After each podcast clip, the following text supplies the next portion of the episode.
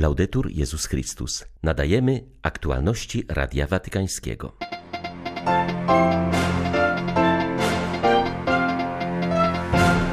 W mojej pobożności jestem staromodny, nadal modlę się tak, jak nauczyła mnie babcia, mówi papież w wywiadzie dla argentyńskiej telewizji. Dziś dzień postu i modlitwy o pokój w Ziemi Świętej w chrześcijańskich obiektach w strefie gazy znalazło schronienie około tysiąca potrzebujących. W naszych krajach to kobiety są uosobieniem kolebki chrześcijaństwa, nie były diakonisami czy kapłankami, ale patrząc na to, czego dokonały, biskupi mogliby im tylko pozazdrościć, stwierdził kardynał Dominik Duka, przypominając o roli świętych kobiet w historii Kościoła. 17 października wita Państwa Krzysztof Bronk. Zapraszam na serwis informacyjny.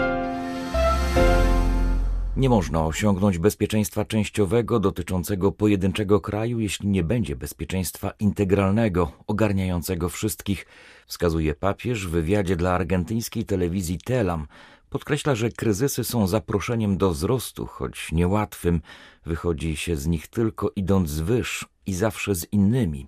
Wśród wielu tematów, jakie dotknięto w rozmowie, papieża zapytano też o jego osobistą relację z Panem Bogiem.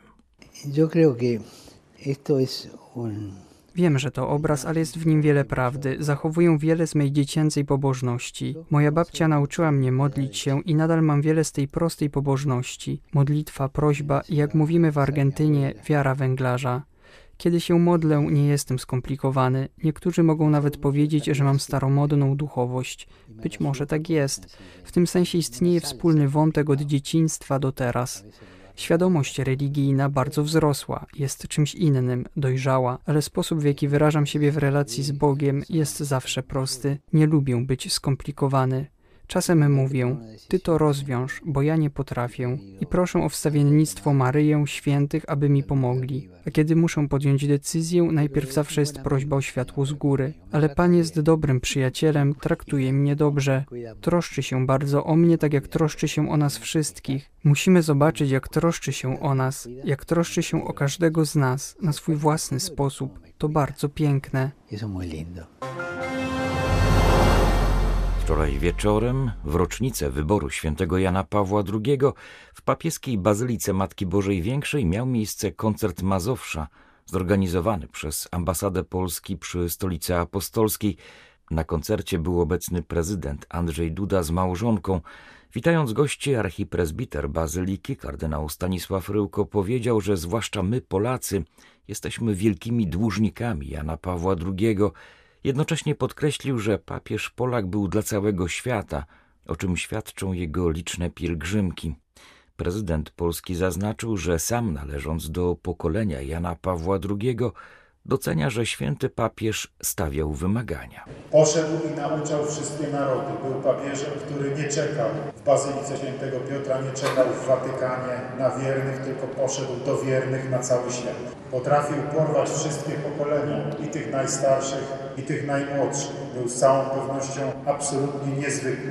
Ale co ważne dla takich ludzi jak ja, którzy w Polsce nazywają siebie pokoleniem JP2, on nie głaskał młodzieży po głowie, nie mówił tak, tak, wszystko jest wspaniale i jacy bardzo jesteście kochani. On stawiał wymagania. On mówił, każdy z was ma swoje Westerplatte, swój wymiar zadań, który musi zrealizować. Wartości, które za wszelką cenę musi obronić, które są warte poświęcenia się. Francuzi oddali hołd nauczycielom zamordowanym przez młodych islamistów. Czujemy się bezradni wobec całej tej przemocy, ale nie wolno nam załamywać rąk, mówi Radiu Watykańskiemu biskup Olivier Leborgne. Minuta ciszy we wszystkich francuskich szkołach, manifestacje w głównych miastach, a także wieczorne nabożeństwo w katedrze w Arras. W ten sposób Francuzi wyrazili swój sprzeciw wobec terroryzmu, a także solidarność z nauczycielami, którzy coraz częściej padają ofiarą islamizmu szerzącego się w młodych pokoleniach. W ubiegły piątek to właśnie w Arras jeden z byłych uczniów, dwudziestoletni Czeczeniec, wtargnął z nożami do szkoły. Zabił nauczyciela Dominika Bernarda i ranił trzy osoby. Wczoraj natomiast minęły trzy lata od zamachu na innego nauczyciela, Samuela Patti, któremu młody islamista obciął głowę. Pogrzeb Dominika Bernarda odbędzie się w czwartek w katedrze w Arras. Jak podkreśla miejscowy biskup, w tej sytuacji potrzeba zarówno współczucia, jak i prawdy o tych odrażających czynach, których niczym nie da się usprawiedliwić. Przede wszystkim musimy zastanowić się nad złem w świecie. Skąd bierze się ta przemoc? Kościół nie zawsze jest rozumiany, gdy mówi o grzechu, ale wie, że istnieje zło, które przez nas przepływa. Przychodzi mi na myśl Sołżenicyn, który w Gułagu powiedział: Uświadom sobie, że granica między dobrem a złem nie przebiega między tobą a katem, ale przebiega przez twojego kata, tak jak przebiega przez ciebie. Wierzę, że pomożemy światu, jeśli sami się nawrócimy, jeśli odkryjemy źródło przemocy w nas, jeśli zrobimy wszystko, co w naszej mocy, aby tej przemocy nie ulec, wręcz przeciwnie.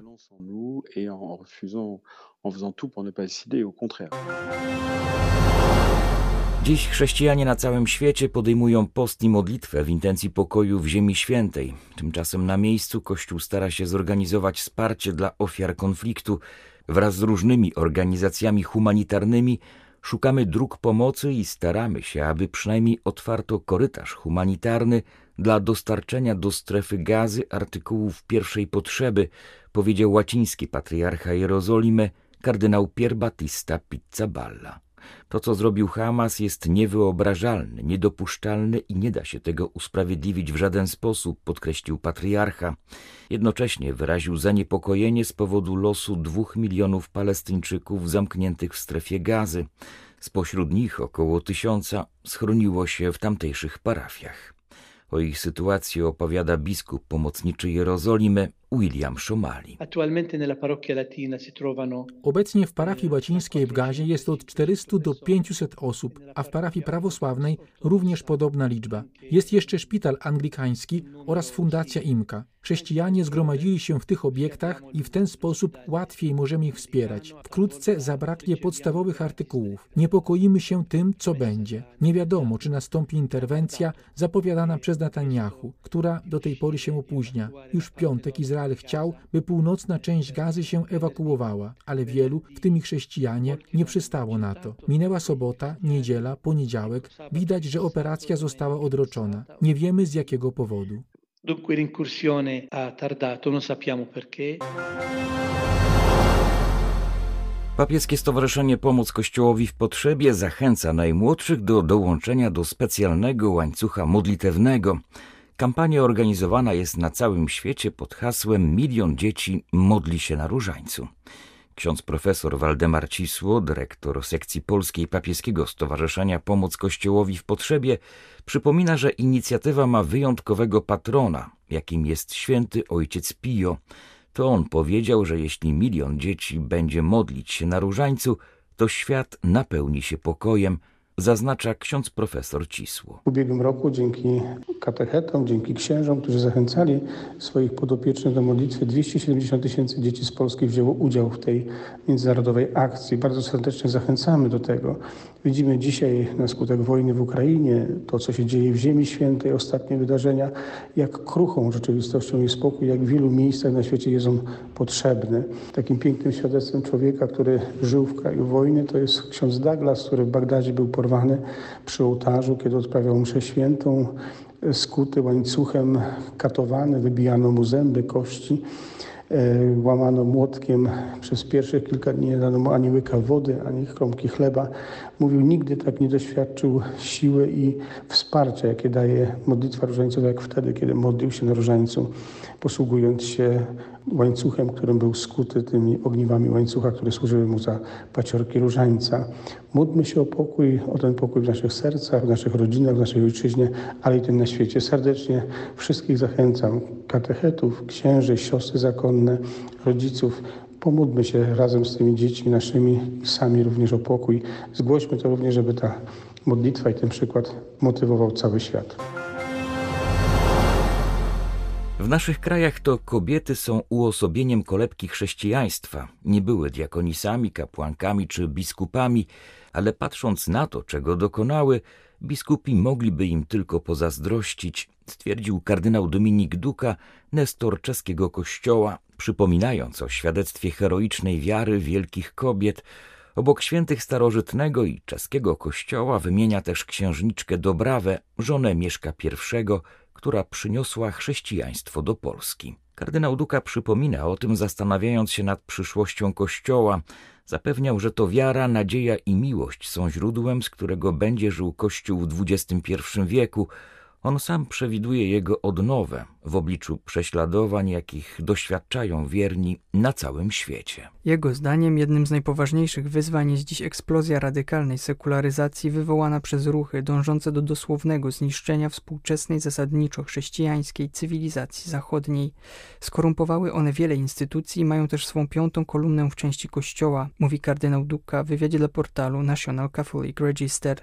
Prądy te łączą platoński utopizm, heglowski ewolucjonizm, materialistyczną walkę klas Marksa i rewolucję seksualną Freuda.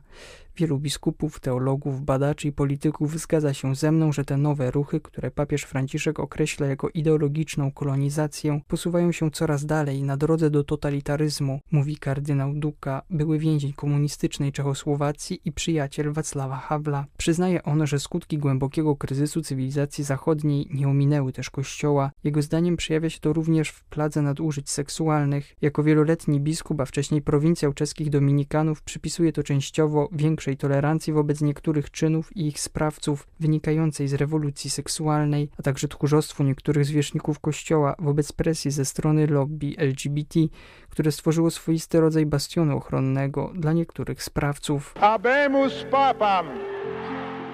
Jan Paweł II do Polaków w pierwszych dniach pontyfikatu. Pierwsza audiencja ogólna. Roztropność polega na tym, ażeby w życiu swoim kierować się zawsze zdrowym, prawym sumieniem, zasadami moralności. Nie polega na tym, żeby, jak to się mówi u nas, umieć się w życiu urządzić, szukać tylko korzyści i przyjemności. Trzeba mierzyć życie ludzkie miarą wartości moralnych.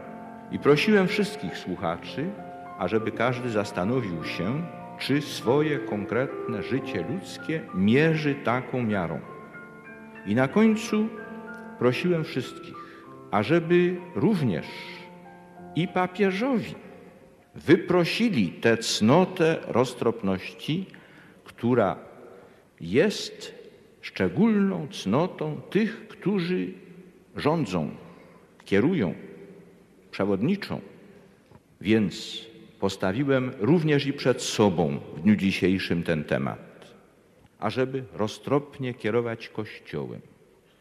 Potrzebny jest dar Ducha Świętego, który nosi nazwę daru rady.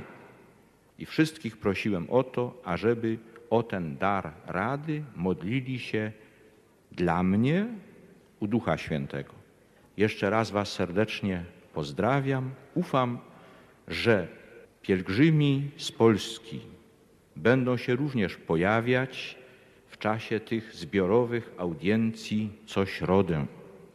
Że teraz, kiedy macie polskiego papieża, łatwiej wam będzie postarać się o to, ażeby przekroczyć granicę z Polski do Rzymu i bywać tutaj, bo przecież nie możecie bo przecież nie możecie mnie tutaj zostawić samego. Były to aktualności Radia Watykańskiego. Laudetur Jezus Chrystus.